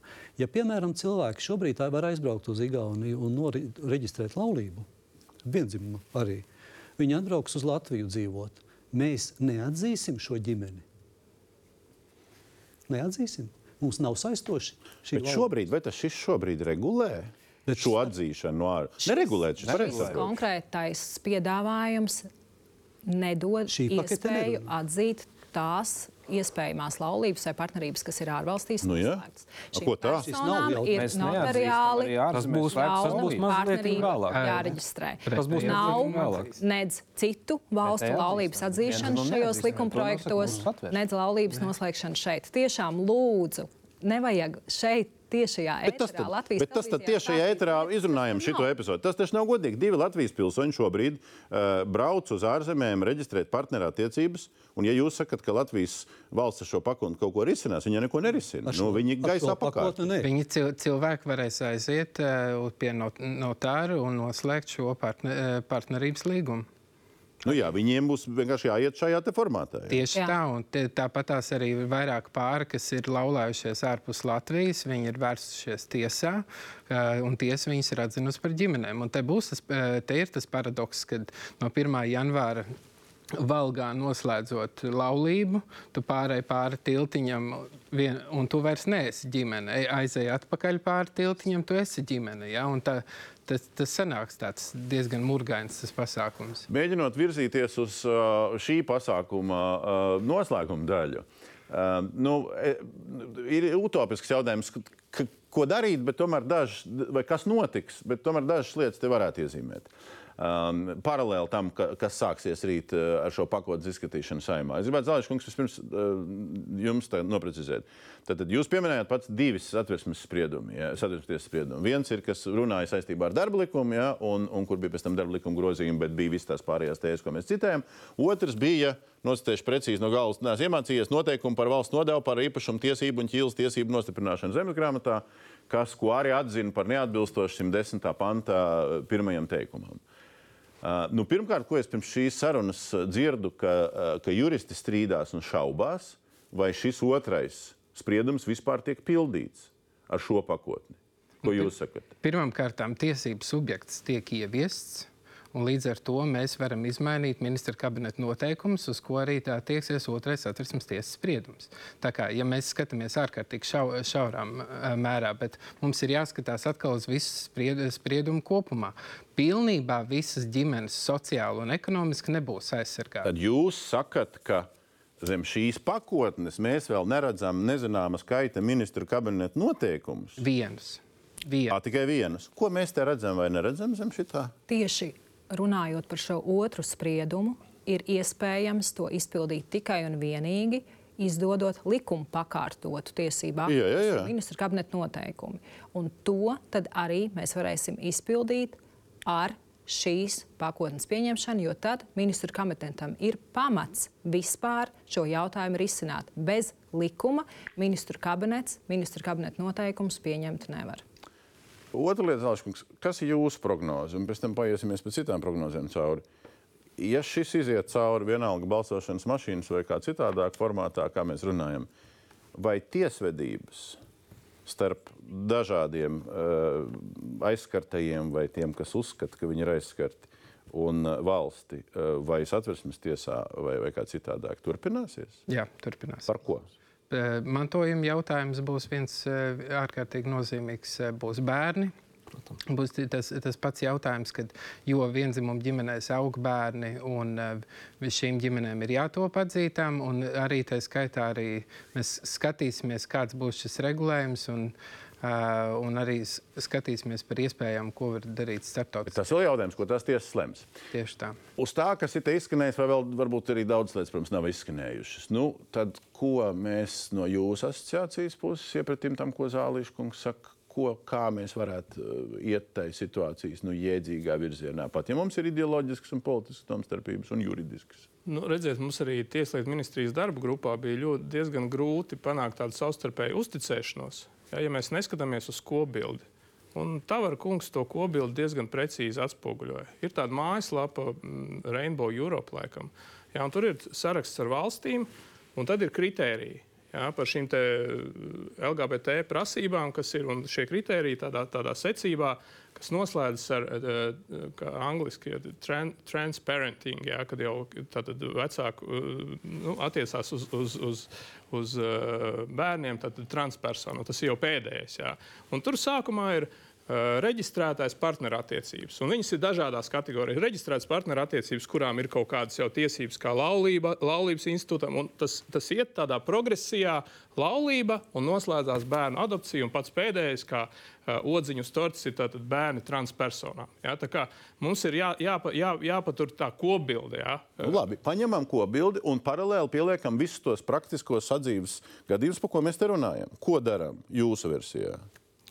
Paliekam pie tās pašas versijas, ka šīs, šīs situācijas, šos problēmu jautājumus mēs varam atrisināt ar speciālo likumu palīdzību, neieviešot jaunu reģistrējumu institūtu. Jā, es redzu, kur ir speciālie likumi. Es mazliet gribētu pirmām kārtām primāri šajā kontekstā, šajā likuma projekta paketē, ko Tieslietu ministra atsūtīja un juridiskais birojs virza tālāk uz valsts, ir galvenais klupšanas akmens vēlreiz šis jaunais institūts. Ko, ko konstitucionālo tiesību jūsu amatbrāļi vērtē kopsavilkumā kopsakarība ar ģimenes institūtu un laulības institūtu. Un tas daudzkārt atvieglos um, šīm prasībām. Pra, uh, iesniedzējiem, faktiski arī viņu sasniedzamo rezultātu, kad būs mums gan laulības, gan ģimene, no nu, kuras izriet arī neatkārtojamies piecas reizes. Kas būs citādāk, vēl piesauksiet? Uh, Tas vienkārši at, acīm redzam, konstitucionāla tiesība eksperti, kuri netālo šobrīd, viņiem nav jā, jālavierē kādu vēlētāju priekšā. Viņi godīgi pasaka, ir jauns institūts. Kurš no ekspertiem to saka? Nu, man viņi nav devuši vārdu, bet. Nu, redz, ir dažādi. Bet juristi, ir dažādi. Do, doktora grādu, citas starp. Doktora grādu ar mums daudziem. Daudziem, daudziem. Bet, bet, bet, bet, bet kungi tagad no, no, no likumdevēja viedokļa. Labi. Jūs esat mazākums šeit pārstāvot, un pat ja Rosliko kunga partija mēs šeit pielikt klāt vienalga mazākums, bet no otras puses jūs esat nu, tie, tā saimas trešdaļa, kura pat ja kaut ko pieņem, ja vien nav steidzamība ar divām trešdaļām nobalsot, kura var nolikt pa bremzēm likuma izsludināšanu un aicināt vākt parakstus uz satversmes, uz tautas nobalsošanu, ko es saprotu, runā Šlēsers. Patreiz ir saimas atlaišana jau ir dienas kārtībā. Vēl cits. Paralēli tam, jā, varbūt arī nākamie scenāriji. Jā, Tieši jau, tā. Jautājums tagad ir, um, nu, tā var kungs vispirms jums, ja? vai jūs pirmkārt paredzat šo visu, ja viņš tiek pieņemts, bloķēt un laist uz parakstu vākšanu? Jeb, jeb kaut kā konstruktīvi ja. mēģināt kaut kā risināt tur redakcijas un komandas. Ja iet šāds laika rāmis un šis temps tiek uzņemts tā kā šobrīd, ātri iekļaujam juridiskajā komisijā, ātri nododam uh, uz, uz nodošanu komisijām, pēc tam uz pirmo lasījumu pātrinātā kārtībā, bez šīs risku izvērtēšanas, ja ne viss tiek pieņemts tāds, kāds viņš ir. Es ar visaugstāko varbūtību saku, mēs griezīsimies pie pārējiem opozīcijas kolēģiem un rosināsim prezidentam šo likumprojektu un pakotni nodokļu. Nemaz nesākam te diskutēt par detaļām. Ja mēs redzam, ka iet, to mēs varam darīt tikai tajā brīdī, kad ir otrajā lasījumā pieņemts. Tur ir zināms laiks, kurā arī mēs to varam darīt. Līdzīgi redzu scenāriju. Arī redzu to scenāriju līdzīgi, jo šobrīd es redzu to analoģiju ar laulību, ka viņš tādā Protams. veidā ir virzīts. Un, ja tas netiek paņemts nost, tad nu, mēs neredzam, kā mēs to varētu atbalstīt. Un kā mēs varētu arī pieļaut, ka kaut kas tāds tiek uh, ieviests. Ja ir šī situācija tagad priekšā, 50 un daži, nu, ja neviens nesaslimst, un buraukungs ir formā, nu, labi, nu, 54, nu, vienalga. Nu. Un šis bloķēšana un um, tautas nobalsošanas parakstu vākšana, tas jums maina kaut ko nostājās, ja vienkārši ejam uz, ar pakotni, neslīpējam neko un ejam? Es domāju, ka šī diskusija arī parādīja, tāpēc būtības tās domstarpības pat nav svarīgas. Tā ir politiska cīņa. Nacionāla apvienība šobrīd kopā ar Osļiko partiju paraksta demisijas pieprasījumus ministriem. Tagad kopā ar Osļiko partiju draud, ka būs uh, tautas nobalsošana. Tā ir tikai un vienīgi politiska cīņa, nevis domas par cilvēkiem, bet tikai kā sevi parādīt skaļāk. Uh, lai. Vienam nevienas domas par cilvēkiem tur nav. Es, es šeit, šeit nedzirdēju. Tas, ko neredzējām nekur. Tas, Jūs minējāt. Jā, es augstu vērtēju, ka saka, ministrs viedokli profesionālo, bet šī tiešām es gribu piekrist, tā ir politiska cīņa, un mēs aizstāvēsim mūsu vēlētāju pozīcijas, jo jūs sākāt šo politisko cīņu ar to, ka vienotība samainīja tur vienas partijas pret citām, lai to izdzītu cauri, un tāpēc 18. novembris pie brīvas pieminekļa tautas ielās. Kā reklāmā mēs dzirdējām, mēs dzirdējām, mēs dzirdējām. par dabisku Mēs ģimeni. dzirdējām, ka 18. novembrī jāsvin Latvijas uh, neatkarība. kolēģi ir gatavi atbalstīt šo likumu, ja mēs tur izņemtu vārdu tās tuvas personiskās, bet atstātu par kopīgo saimniecību. Tad jūs piekristu. Ja? Mums būtu tur vēl Tad vairākas lietas, kas ir jāpārskata. saimniecība kopīgi. Tad Mums ir par kārtībā. trešvalstniekiem jāskatās uh, šis regulējums, kā nostiprināt, jo tur nav ne vārda, kā mēs uh, pārbaudīsim to, lai mēs vienkārši šeit neiepludinātu uh, imigrāciju iekšā. Protams, ja jo- laulībās tas fiktīvi nepastāv. Pirmkārt, Bet laulībās to ir nevajag daudz grūtāk ir izdarīt. Cilvēcīgi Bet, eh, nevajag jautājums steidzamību. ir par šo steidzamību. Es esmu arī dzirdējis, ka priekšlikuma iesniegšana arī būs mistiski īsa. Ja? Nevis vismaz likumā paredzētās uh, piecas dienas, kas ir uh, normāli. Ja? Cik jūs esat dzirdējis? Cik būs? Uh, Es esmu dzirdējis, ka tikai viena diena vai pusotra diena kaut kas tāds būs iespējams. Un līdz ar to Tā būs, sagrozīšanas vienojušies par kaut ko tādu, ja? To komisija, juridiskā komisija, klātesoša visām personām, bija nosaukt konkrēti datumi, kāds būs priekšlikums saimai. Tas ir līdz uh, uh, nākamās dienas 15. Un, Ā, nu tad un par 9. datumu piedāvās, ka otro lasījumu. Bet- bet Tas ko- publiski skanēja sarežģīt. Norezumējot, vai jūs redzat līdzīgi kā, kā tieslietu ministri, ka te ir tikai politiskā cīņa un te nekādas racionālas risinājumus te atrast nevar? Es domāju, ka tā ir politiskā cīņa, kā argumentus izmantojot konkrēto bubuli, ko lielākā daļa varbūt arī saprot šo biedējumu ar vienzimumu laulībām, ko mūsu partija arī neatbalsta. Vienzimumu laulības. Bet viņi noņem šķēršļus, lai tas būtu. Tāpēc, izmantojot šo jēdzienu, kas šajā likumā, jeb likuma paketē nav iestrādāts, var, protams, biedēt visus. Jā. Un politiski mēģināt iegūt sev kapitālu, bet kolēģi izlasām likuma tekstu. Un visi normāli Latvijā dzīvojušie iedzīvotāji saprot, ka tādā veidā mēs vienkārši cilvēkiem palīdzam sakārtot tādu Kūderkungs, bet nu nedzeniet steidzamības kārtā.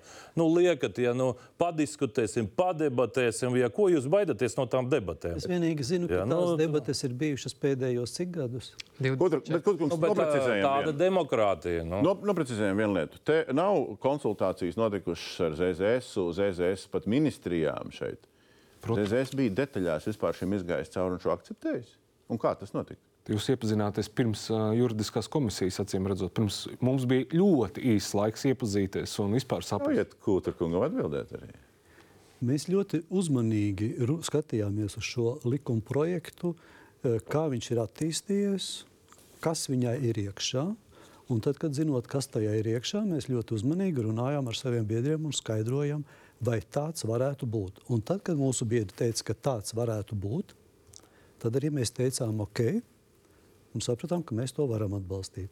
Bija ir projekti, kuri, par kuriem mēs turpinām strīdēties, par citiem Šajā sakarā? Nē, nē, nē, nē, tas par citiem. Kūderkungs vai Latvijas katoļi arī atbalsta jūs, ja pasakiet? Es nezinu, redziet, Vai viņi vienkārši domā, ka sociālos tīklos tur cilvēki ne, nezina, kas redziet, ir es arī esmu Latgales, Lat, no Latvijas, un es arī esmu katolis. Nē, nu tad viss ir kārtībā. Ja katoļi atbalsta, tad, paldies tad par jūsu jautājumu. Lūskums pieliek klāt. Jūs sākāt ar to, ka ir ko svinēt. Nu, parlamentā, kur ir šāda situācija, un arī sabiedrībā droši vien nu, tā situācija ir tāda uz nažiem tā atsevišķās grupās. Nu, tā svinēšana ir tāda ar tādu piegaršu. Man šķiet, ka Latvijas sabiedrība ir krietni tolerantāka nekā mēs iedomājamies. Es arī nāku no Latvijas un esmu redzējusi, kā pēdējo gadu, es teiktu, desmit gadu laikā attieksme ir mainījusies. Cilvēki pazīst cilvēkus, kas dzīvo vienzimuma ģimenēs, arī katoļi krietni vairāk novērtē mīlestības ziņu, kas tiek sludināta. progresīvie neuzvarēja Latvijā. Ne tu vēlēšanās. Mēs neuzvarējām, Ne tu arī Šlesnerkungs neuzvarēja. Viena cita Tas, partija mēs uzvarēja. ja? neuzvarējām Latvijā, tas nenozīmē, ka tie cilvēki, kas Latvijā dzīvo, kuri arī nebalsoja, iebilst pret to, ka mēs ļaujam šai sabiedrības grupai, un es teiktu, ne tikai vienzimuma pāriem, es jau minēju citus piemērus, sakārtot juridiski savas attiecības un beidzot kļūt redzamiem valsts priekšā.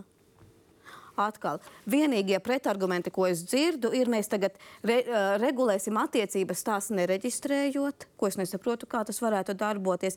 Tiek piesaukti hipotētiski nākotnes scenāriji un bērnu grāmatas, nevis realitāte. Mēs šobrīd risinām ļoti praktiskus jautājumus par interešu Pagaidiet, tās konfliktu. nav hipotētiskas. Tās ir grāmatas, kuras ir jau pārpildījušas visas Jā, grāmatu mēs veikalus. risinām- Mēs risinām praktiskas situācijas, ar ko šiem pāriem nākas ikdienā saskarties. Un man ir ļoti liels prieks, ka mēs esam nonākuši pie šāda kompromisa risinājuma.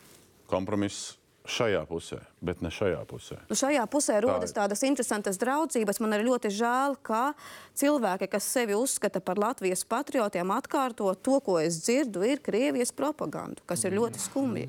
Nu, Par nu, ko? lieciet apakaļ Par beigās. ko? Pagaidiet, par ko? Par, par to, ka dabiskā ģimene, ka mēs esam visi prokremlisti, ko Kariņš teica Briselē, ka visa tauta, kas ir par dabisko ģimeni, tiesot prokremlis. Tie ir Kariņa vārdi Strasbūrā. Jā, jā. Ceru, ka rīt Jā. Kariņkungs atnāks un no tribienes Kad visas parlamenti ir aizstāvēs savu šo te runu, ja, kur nosauc mūs. Un es to tiešām uzsvēru par aizvainojumu. Tikai tādēļ es kopā ar stabilitāti arī parakstīju to demisijas pieprasījumu. Jo tas tiešām man aizskāra, kad uh, es esmu nes kāda Kremļa uh, paspārnē iespaidots. Ja, nu, muļķības. Ar šo lūdzu noslēdzam, jo šis tiešām bija interesanti. Uh, Libiņš kundze, vai, vai tiešām jaunās vienotības nostāja ir, ka visi, kas politiskajā cīņā ir pretējā pozīcijā, viņi ir tie kremlini un kā nu tur bija precīzi Kariņam angliski tas formulējums, tur Putina ideoloģijas attīstītāji. Runājot par Stambulas konvenciju, ir virkne pētījumu, akadēmisku pētījumu, kurā tiek pateikts, ka šie stereotipiskie sazvērestības stāsti, kas nav vispār saistīti ar pašu konvenciju, ir bijuši finansēti, tā skaitā no Krievijas Ja, puses. bet jautājums nebija par to, ka ir pētījumi. Jautājums ir, vai, vai pabeigšu. opozīcija. Līdz ar to, manuprāt, sabiedrību baidīt ar lietām konvencijā, dokumentā, Eiropas padomas dokumentā, kur ir ratificējušas ļoti daudzas demokrātiskas, tiesiskas valsts, ar kurām mums nav domstarpība par nevienu jautājumu. Es domāju, ka nu, tas gluži vienkārši ir atkal izmantot savā politiskajā retorikā tikai sarīdot cilvēkus, radot viņos neizpratni un šaubas. Es tiešām vēlos, lai mēs, kā valsts, kā Eiropas Padomes dalība valsts, normāli iepazītos ar konvenciju, šajā gadījumā konvenciju par- pret vardarbību. pret Jūsu un pozīcija ģimeni. arī ir, ka Un tie, kas iebilst pret Stambulas konvenciju, tie Es ir nevienā Kremļa- vārdā to neteicu un neteikšu, bet tas, ka Kremļa retorika tiek izmantota šajos sazvērstības stāstos par konvenciju, tas ir fakts. Es Tas nav mans secinājums. Tas ir akadēmisks pētījums. Paldies. Paldies. Paldies. Uh, šī pakotne nav saistīta ar konvenciju. Šī pakotne ir par pavisam citām Tā, ir- tiesiskajām tā ir taisnība. Par Stambulas konvenciju visticamāk mums būs cita saruna. Uh, Šo sarunu mēs šobrīd noslēgsim. Uh, Izmantojiet iespēju, ka Tieslietu ministri ir studijā un varbūt, kad nebūs, ka mēs runāsim par Stambulas konvenciju. Vienu jautājumu, ko es gribu aizķert. Vai deklarācija, atsevišķa vienpusēja deklarācija, ko valsts pievieno starptautiskā līguma uh, ratificēšanai, vai tā atbilst starptautiskām tiesībām? Ir vairākas valstis, kuras ir izveidojušas uh, deklarāciju, kuras ir gājušas šo ceļu. Uh, Latvija būs viena no tām. Paldies visiem, kas piedalījās šajā sarunā, uh, sabiedrībai parādot, kādas ir problēmas, kādas ir um, konfrontācijas un um, kādi varbūt ir izcinājumi. Um, rīt pirmais lasījums, skatīsimies pēc tam tālāk, kā šī tēma attīstīsies un droši vien atgriezīsies arī šajā studijā. Paldies skatītājiem par uzmanību. Turpinājums sekos.